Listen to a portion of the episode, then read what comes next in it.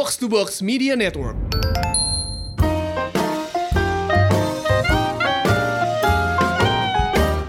HRD Bandung.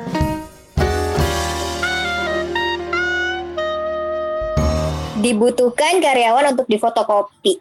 Gue bingung banget. Ini sebenarnya mau ngomongin apa sih? Karyawannya mau difotokopi gitu loh. Aduh. Yang ada juga mungkin ini maksudnya mungkin ini maksudnya tukang fotokopi nyari karyawan kali ya. Tapi kenapa dia mau nyari karyawan buat difotokopi gitu, Ndu? Kasian gue, gue juga gak mau sih jadi karyawan ya kalau gue mau difotokopi, mohon maaf. Capek banget gue jadi karyawan sebelah kanan, sebelah kiri gitu. Anda pikir saya apa? Telur dadar. Bentar, bentar. Wah parah sih. Ini epic banget. Ini beneran orang yang mau kelamar tapi dia dicarinya adalah untuk difotokopi. Gue kebayangnya nih bukan di wajah wajahnya wajahnya orangnya itulah ditempelin di mesin fotokopinya. Terus habis itu badannya difotokopi. Terus yang muncul tuh badannya dia. Ini kayak udah tahun 2000 berapa ya? Udah kayak orang, gue nggak nggak ngerti.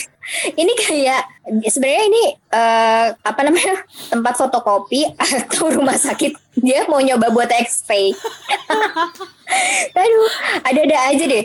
Gue suka suka ketawa ya, Du. eh, baca-bacain eh, apa namanya tuh lowongan lo- lowongan-lowongan kerja Hmm. yang kayak gini nih, yang kadang-kadang suka nggak masuk akal deh gitu di kepala gue. Ada waktu itu gue baca juga di salah satu apa namanya lowongan kerja dicari usianya em, maksimal 35 tahun. Mm-mm. Tapi udah harus pernah punya pengalaman 25 tahun. Halo, dia udah kerja dari umur 10 tahun. Agak bekerja keras ya bun Eh, Antara pekerja keras sama obsesi itu 11-12 Maksimal 35 tahun buat posisi manajer ya. Terus menurut lo dia udah kerja dari umur 10 tahun jadi supervise. Ya kan kayak gitu juga dong katanya. agak ini ya. Aduh. Kadang itu gini loh, gue mikir ya, kalau memang kita pengen cari kerjaan bergengsi itu, ya kayaknya lowongannya juga harus yang pas gitu ya, jangan yang kayak gitu. Eh, syarat syaratnya sih bergengsi 25 tahun, tapi sebenarnya gimana ya umur umurnya kan nggak tepat ya. Ini kadang-kadang HRD-nya HRD-nya pengen di ini juga sih harus di training lagi sih sebenarnya. Mungkin HRD-nya ini kali kayak apa namanya kayak mohon maaf kayak gue suka menyalahkan apa namanya eh, salah satu eh, tempat sipil gitu gue bilang kalau nama tuh salah lo mungkin ada kesalahan ketik di tempatnya gitu di tempat pembuatan nama gitu kan Bener bener bener bener. Bisa jadi kayak gitu juga sih. mungkin ini juga gitu gitu kan mungkin jangan-jangan si HRD-nya aja salah ketik kali. Eh terus nggak diedit gitu kan. Ya udah gitu keluar aja. Mungkin bisa juga kayak gitu kan. Gue nggak tahu ya. Tapi kan kalau udah keluar terus ya sayang aja gitu kalau gue jadi HR terus gue udah munculin lowongan kerja gue udah apalagi kalau misalnya gue masukin ke kayak media-media yang berbayar gitu ya. Hmm. Terus gue salah nulis, terus gue jadi nggak dapat banyak pelamar kerja. Karena pelamar kerja juga ngerasa kayak, ih nggak masuk akal banget gitu kan? Mhm. Gimana dong? gitu kan? Mohon maaf nih, menurut menurut gue, menurut gue ini eh, SR-nya ini alumni psikologi. Dulu waktu skripsi dia ambilnya eksperimen. Jadinya ketika ada omongan kayak gini, dia tuh eksperimen aja gitu. Nyoba aja kira-kira kalau misalnya pengalaman 25 tahun maksimal umur 35 tahun ada nggak ya yang Iya, bisa bisa jadi itu gitu. Tapi itu nggak mungkin sih. Siapa tahu udah akselerasi terus gitu ya. Iya. Dan kayaknya dia dari playgroup akselerasi langsung Hmm. SD kelas 1 Nah. gitu kan akselerasi lagi langsung. itu nggak paham sih harus sekelas siapa gue nggak paham ada figur siapa yang bisa di umur 35 dengan pengalaman 25 tahun kerja gitu gue harus nyari dulu sih Aduh, emang suka ngaco-ngaco aja. Kalau dari pengalaman lo, lo pernah nemuin apa dulu? Kalau gue, ya kayak gitu deh. Dulu sih pernah ada juga di gue, gue waktu gue jadi HR, jadi recruiter ya. Hmm. Ya suka ada pertentangan-pertentangan sama stakeholder, eh, kayak sama para atasan lah gitu gue kadang-kadang gitu kan. Mereka mintanya user-user nih kadang-kadang eh masukin dong eh nggak boleh ini istilahnya yang jujur apa good looking gitu kan. Terus gue kayak bingung sendiri men kalau nanti orang pada nggak ada yang ngerasa good looking terus gue nggak dapat orang dong. Itu dia maksud gue takaran good lookingnya di mana ya bingung juga sih kayak misalnya sales good looking. Ya gue merasa good looking dong. Badan gue gede tinggi gue kayak gini gitu. Tapi gue good looking gitu. Lo mintanya kayak gimana gitu? Kadang-kadang deskripsinya good looking itu susah gitu loh ya Iya benar benar benar. eh, nggak bisa sih kalau menurut gue itu cuma good looking doang dilihat. Tapi good lookingnya kayak gimana? Versinya orang-orang beda.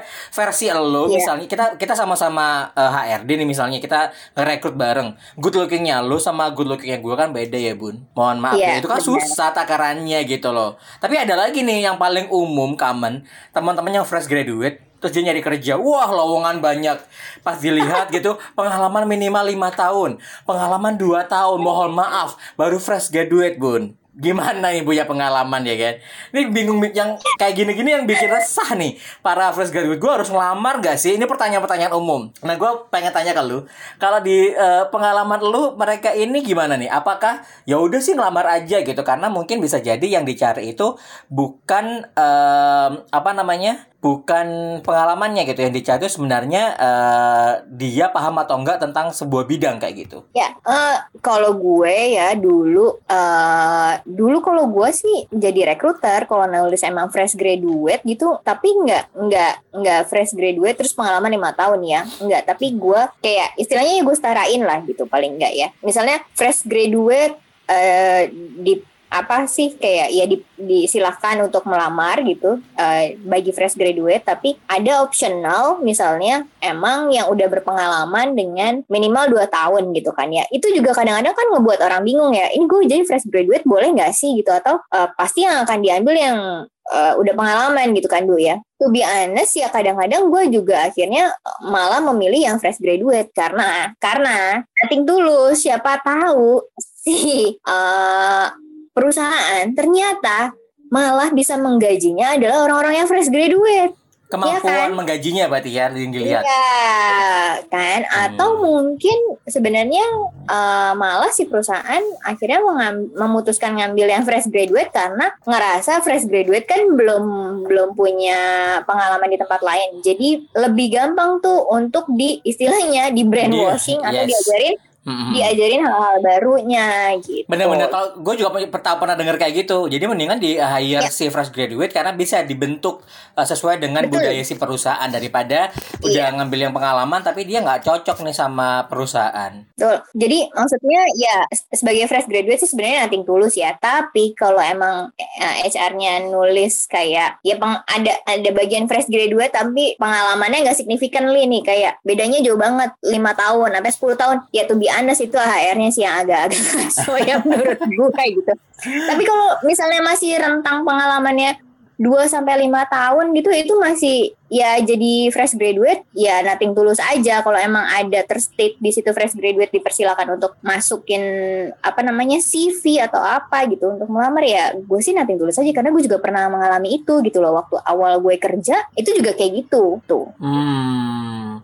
Jadi gue pikir juga ya. eh memposisikan diri sebagai teman-teman pelamar pekerjaan gitu ya. Ragunya itu bisa jadi gara-gara persyaratan. Karena persyaratan yang bener, muncul bener, yang di sekitaran kita tuh macam-macam tuh. Ada yang teman gue juga bilang eh dia kebetulan kena layoff nih kondisi pandemi kayak gini kan dari salah satu perusahaan lah. Terus habis itu dia pengen berangkat ke Jakarta, dia tanya ke gue kan, "Du, di Jakarta emang semuanya harus bisa bahasa Inggris ya?" gitu. Hmm, enggak juga kok tergantung pekerjaanmu gitu. Maksudnya pekerjaannya memang akan berhubungan dengan em, stakeholder luar ataupun enggak gitu atau misalnya eh, pekerjaannya nanti megang sesuatu hal atau tool tools yang berhubungan dengan eh, bahasa Inggris ataupun enggak. Nah, itu pengaruh sih. Tapi kalau misalnya pekerjaannya umum, common kayaknya enggak deh aku bilang kayak gitu. Terus dia bilang, "Iya nih, eh, aku mau ngelamar tapi kok syaratnya ba- banyak banyakan itu harus lancar bahasa Inggris." Terus dia eh, lancar bahasa Inggrisnya ada yang eh, lisan dan tertulis, ada juga yang minta TOEFL. Jadi kayak gue bingung gitu mau daftar kayak gitu. Jadi ini sebenarnya jadi ketakutan kan. Notabene kalau kita kita eh, lihat lagi datanya di Indonesia banyak banget yang masih eh, dari segi bahasa Inggris lag gitu ya banyak banget dan takut jadinya mau ngelamar gitu dan ini juga kadang-kadang harus dijalanin teman-teman. Menurut gue pribadi ya, gue juga nggak pinter bahasa Inggris gitu. Gue juga bukan orang yang ekspor di bahasa Inggris, tapi gue menantang diri gue selalu untuk bisa lebih daripada gue hari ini gitu. Jadi kalau misalnya lo ragu gue bisa nggak ya bahasa Inggrisnya, kalau misalnya wawancara gue belepotan nggak ya, ya coba aja dulu. Kalau lo nggak coba, lo nggak bakal tahu lo bisa bakal seperti apa. Toh misalnya ada dicantumkan lancar bahasa Inggris, apakah iya pekerjaan lo selalu uh, apa namanya berhubungan dengan bahasa Inggris? Kalau iya harusnya lo digaji gede dong uh, daripada pekerjaan biasa Iya. gitu. Jadi itu Bener. mm, kalau misalnya itu harus dipikirin juga sih menurut gue ya. Karena uh, ini bisa jadi sebuah proses uh, lo menghadapi sesuatu hal yang di luar ekspektasi lo. Jadi kita nggak bisa berasumsi nih, nggak bisa berasumsi bakal ah, ntar gue takut lah, ntar nggak bisa bahasa Inggris, ntar gue ditolak dan sebagainya. Lah belum dicoba Nanti gue aja ditolak udah udah mundur bisa lagi gitu ya. Mm-mm. Masukin ininya. CV-nya. Tapi kan belum tentu juga kadang-kadang suka ada perusahaan yang memang mereka eh, nggak masukin ya si Aha. ketentu apa ketentuan terus tiba-tiba ya lo di, ditanyain gitu kan Mhm. itu mungkin mereka lebih kayak ngelihat skillnya aja gitu kan ya oh lo sampai mana gitu tapi kalau ada juga yang mereka nulisin padahal mereka juga nggak nggak uji coba lo pas interview kok gitu kan Bener bener bener itu true banget sih. Nggak semuanya eh, perusahaan yang nulisin kayak eh, lancar bahasa Inggris terus kita dites nggak semua. bahkan Ah, bah- enggak. bahkan kayak kayak mau dites pun eh, biasanya lo akan dibilangin nih besok eh, akan eh, ada tes kedua misalnya interview sama Nah. eh, HRD atau sama eh, user misalnya tapi orangnya adalah eh, native dan dan kita harus pakai bahasa Inggris gitu. Kita juga bisa nyiapin gitu loh beberapa hari eh, beberapa jam sebelumnya. Kira-kira apa aja yang bakal muncul kata-kata apa yang mau saya keluarin. Misalnya kayak perkenalan. Ya paling nggak lo bisa prepare tapi nggak akan semendadak itu setahu gue Ya, benar-benar. Atau mungkin kalau emang emang kita yang buat yang masih fresh graduate dan agak-agak ragu-ragu gitu ya, ketika lo udah ya udah dengan yakin ngirim CV terus tapi terus lo dipanggil interview gitu kan, nating tulus ya kita kan kirim CV kan ke mana aja kan gitu. Terus kita nating tulus tiba-tiba kita di dipanggil interview, ya ketika kita ada jadwal dipanggil atau ditelepon untuk interview itu bisa kita tanyain bakal ada nggak nih eh, interview dengan bahasa Inggris atau tes-tes dengan bahasa Inggris Hmm. karena ses- sesuai dengan si requirement-nya gitu kan sesuai dengan persyaratannya ada itu gitu kan jadi kita bisa prepare gitu Mm-mm. Benar benar benar ada yang lucu lagi Ndu apa tuh adalah nih lo pernah nggak uh, ada satu perusahaan misalnya gitu ya perusahaan katakan uh, uh, perusahaan yang bergerak di bidang otomotif Mhm. gitu tapi dia nyari misalnya tiba-tiba beautician gitu lo pernah nggak ngalamin itu Hah jauh banget Nih, kayak gini nih. Ada lagi berita dibutuhkan karyawan bakso Arjuna Uh-uh. sebagai tukang cukur pria. Gimana coba menurut lo? Jadi sebenarnya ini gua rasa ini perusahaan atau uh, tukang bakso lagi mau bikin bisnis baru. benar kayaknya Sebelah-sebelahan. Jadi orang lagi cukuran sambil Benar. makan bakso. Mungkin bisa gitu ya kan? Benar, kadang itu emang ada perusahaan teman-teman itu memiliki payung besar, lini bisnisnya macam-macam gitu. Jadi mungkin Benar. ini eh, jadi eh, PT Arjunanya mungkin ya, dia tuh punya eh, bakso Arjuna, besok dia mau buka eh, barber Arjuna kayak gitu. Barber Arjuna, barbershop, barbershop Arjuna gitu kan. Ini kayak gue pernah ngalamin dulu soalnya. Jadi dulu waktu gue kerja di salah satu perusahaan yang bergerak di bidang skincare Uh-uh. gitu ya. Aduh mohon maaf yang dengerin pasti tahu gue di mana jadinya Heeh.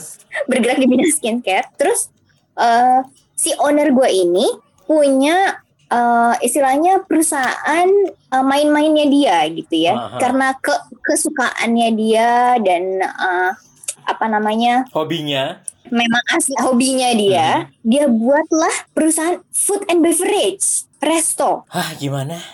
Jadi lo, jadi gimana? coba lo bayangin ya kan.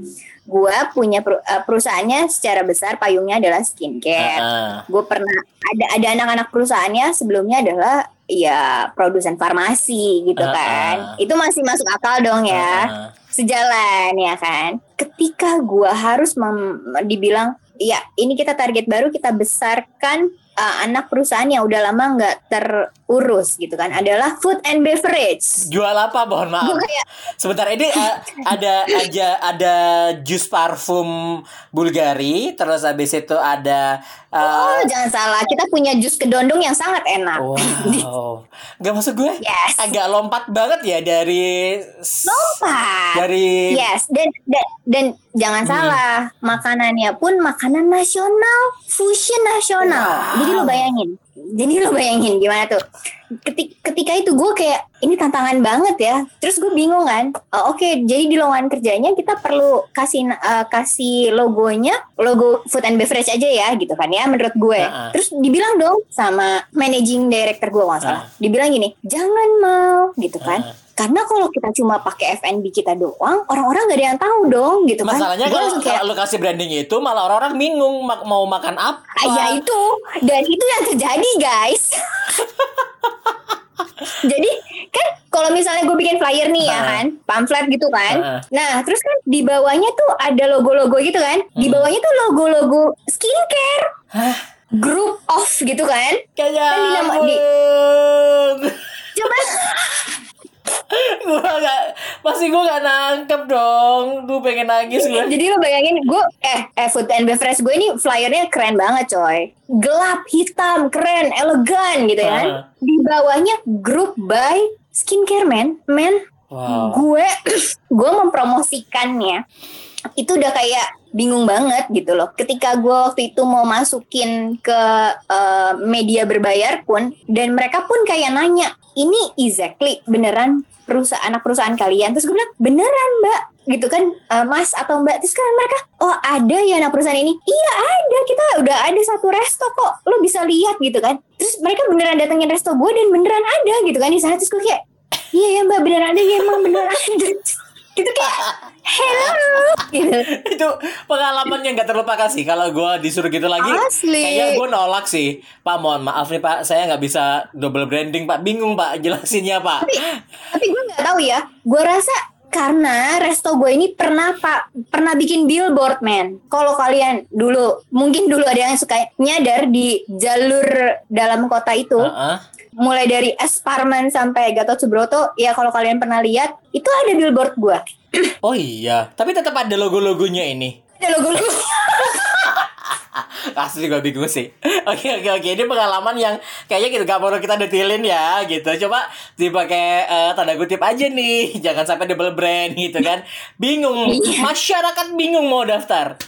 Kayak kayak gitu lah. Iya sih banyak. Aduh Gue sih gak kebayang sih Kalau gue jadi asarnya ya. Ini aja ada Ada juga nih Gue baru baca juga. Ada perusahaan Dia lagi buka eh, lowongan pekerjaan. Ukuran perusahaannya itu 500 sampai 1000 orang. Waktu bekerjanya reguler lah, Senin sampai Hmm. dengan Jumat. Gaya berpakaiannya gairah dan menyenangkan. Mohon maaf. Ini karyawan apa yang disuruh pakai baju menggairahkan dan menyenangkan? Dan bentuknya kayak gimana coba?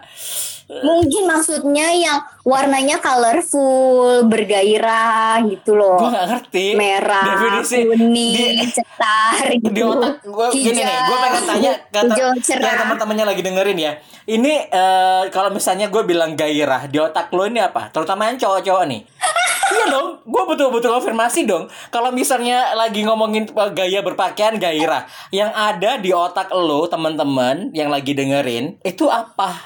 Tolong sebutin. Wow. kalau misalnya malah bilang ah, warna-warni oke itu mungkin malah gitu. Tapi di otak gua baju bergairah itu gak kayak gitu coy Hmm, Em, gimana, Gimana baju ya? bergairah tuh gimana? baju bergairah Coba itu sebentar gue ngebayar tapi gue agak geli kalau gue harus membayangkan Nah, itu uh, laki-laki dengan baju bergairah gitu Ah, gue nggak bisa lebih ngebayangin gampang malah buat harusnya gue loh. laki-laki harusnya lebih iya gampang mungkin kalau kalau persepsi gue jadi cewek ngelihat cowok baju bergairah tuh ya biasa aja sih maksudnya nggak dari penampilan yang ya kalau cowok ngeliat cewek beda ya kan Hmm. Gitu. Tapi ya ini ada ada juga aneh juga ya. Dan menyenang apa tadi Nduk gairah dan menyenangkan. Menyenangkan. Apakah dia pakai menyenangkan tuh. gue jadi bayanginnya kayak gini. Oke, dia pakai baju kerja biasa, eh, pakai rok yang span gitu, tapi ketat. Heeh. Terus ba- bajunya juga kayak press body gitu.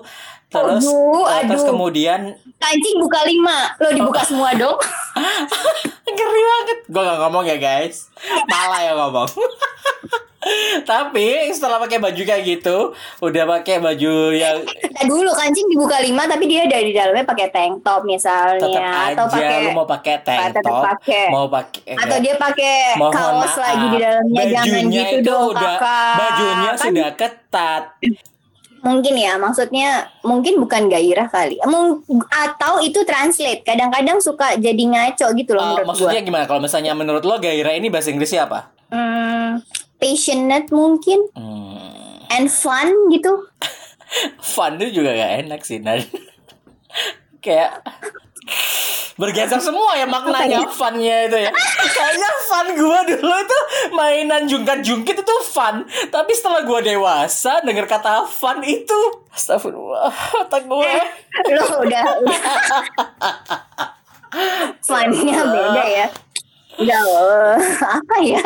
Eh, aduh aduh udah deh. Jangan ah aku kotor bermain kotor itu baik iya tapi untuk orang dewasa bermain kalau nggak kotor nggak belajar Iya, t- kalau orang dewasa main kotor itu ya beda lagi.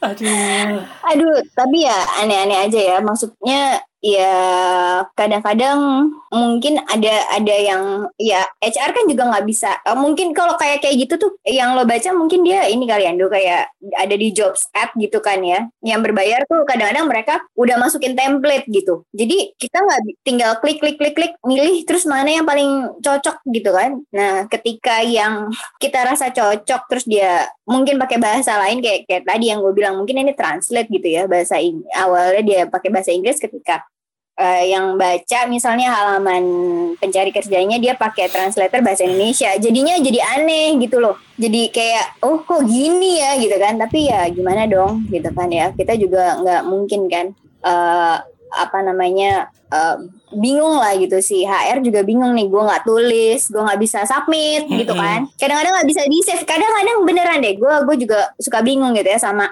sama beberapa jobs ads gitu ya jobs eh, sistem job ads gitu. Hmm. yang mereka tuh kalau ada satu feature aja nih satu categorize aja gitu kita nggak submit gitu ya dia nggak bisa kita save dan nggak bisa kita publish gitu. Jadi ya to be honest gue kadang-kadang juga merasa itu perlu di optional aja kali guys gitu loh. Iya, iya, benar benar benar. saran nih saran nih buat yang job ads berbayar gitu kan.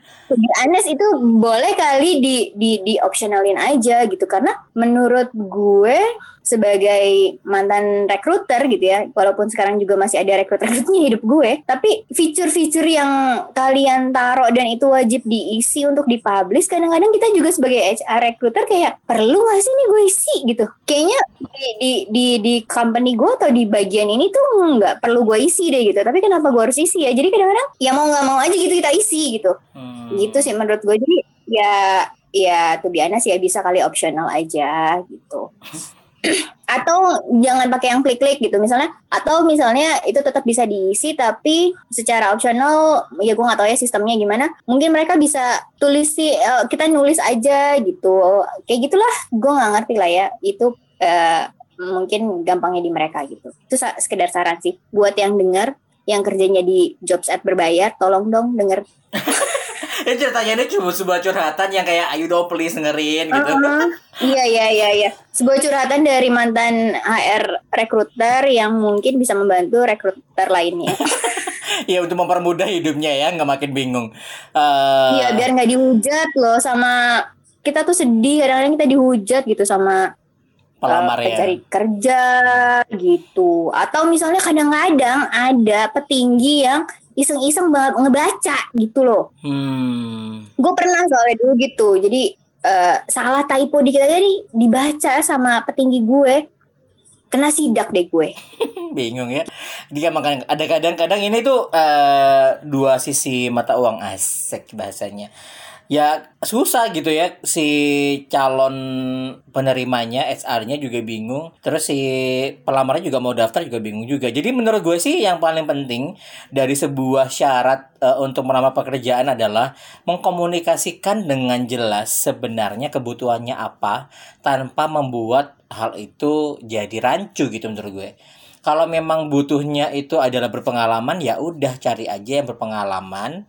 Uh, kalau misalnya mau pakai angka tahun juga nggak apa-apa. Tapi menurut gue kayak nggak ngaruh nggak sih uh, angka tahun misalnya lo dua tahun tiga tahun belum tentu orang yang memiliki pengalaman juga kan? Ya sih? Iya benar-benar benar uh, ya bilang aja tulis yang berpengalaman ya gue sih better tulis yang berpengalaman karena hmm. belum tentu juga orang-orang yang uh, apa namanya uh, mereka punya pengalaman setahun uh, ternyata nggak mumpuni juga nggak belum tentu Benar. gitu kan dan itu juga sih yang gue pengen highlight juga gitu. Kita terlalu banyak membatasi gitu ya uh, dengan kebutuhan uh, dengan syarat-syarat uh, itu. Tapi ketika direkrut akhirnya nggak ada yang masuk. Jadi believe it or not ini uh, ada beberapa teman gue juga bilang uh, dia bilang udah nyebarin banyak uh, informasi terkait dengan open recruitment itu tapi yang masuk di, di daftar pendaftaran itu nggak banyak. Ya karena itu tadi bisa jadi uh, nggak terbuka. Kayak misalnya umur tuh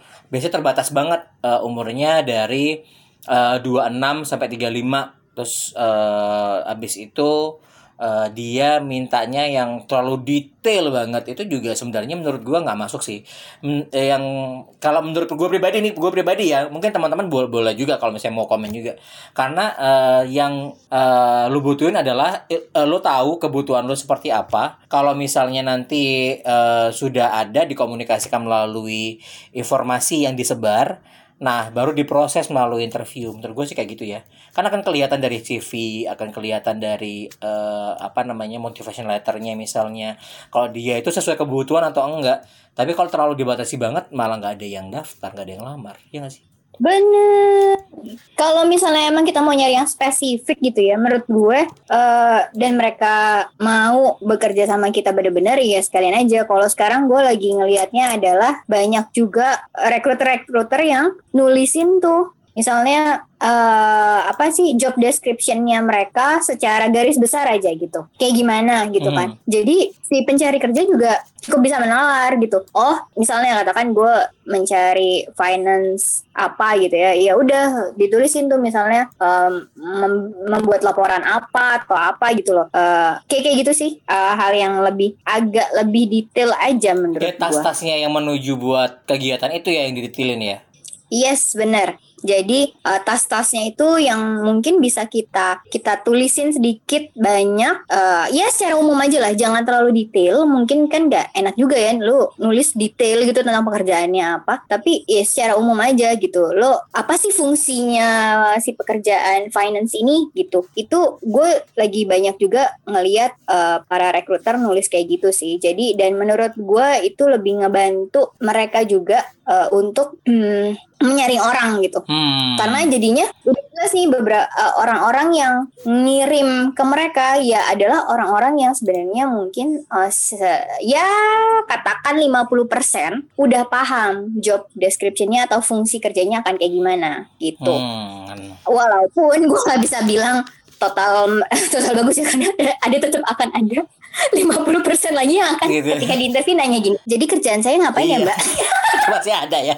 Kita akan bahas di episode berikutnya pertanyaan-pertanyaan yang dilontarkan eh, uh, oleh para pelamar nih. Kayaknya ini seru banget kalau misalnya kita bisa bahas lagi.